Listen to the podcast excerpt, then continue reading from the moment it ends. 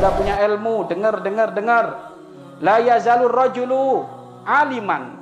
Senantiasa seseorang dibilang alim, berilmu banyak, berwawasan lebih, ma talabal ilma selagi dia mau mencari ilmu.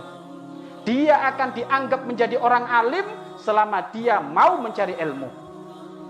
Tapi kalau dia terputus dari ilmu, nggak mau mencari ilmu, nyungsep dia, jahil, dia bodoh. Faidah dhanna annahu qad alima. Apabila dia menduga dirinya adalah orang yang sudah berilmu, fakot jahila, maka dia adalah orang yang bodoh. Jadi ingat, engkau akan diomongin, dikategorikan orang alim selagi engkau mau mencari el, ilmu. Penyakitnya santri kalau sudah hatam, males nyari ilmu. Iya kan, oh sudah hatam safina, sudah hatam jurmiyah, sudah hatam Al-Quran, sudah hatam je. Terus eh, hatam enggak enggak nimba ilmu.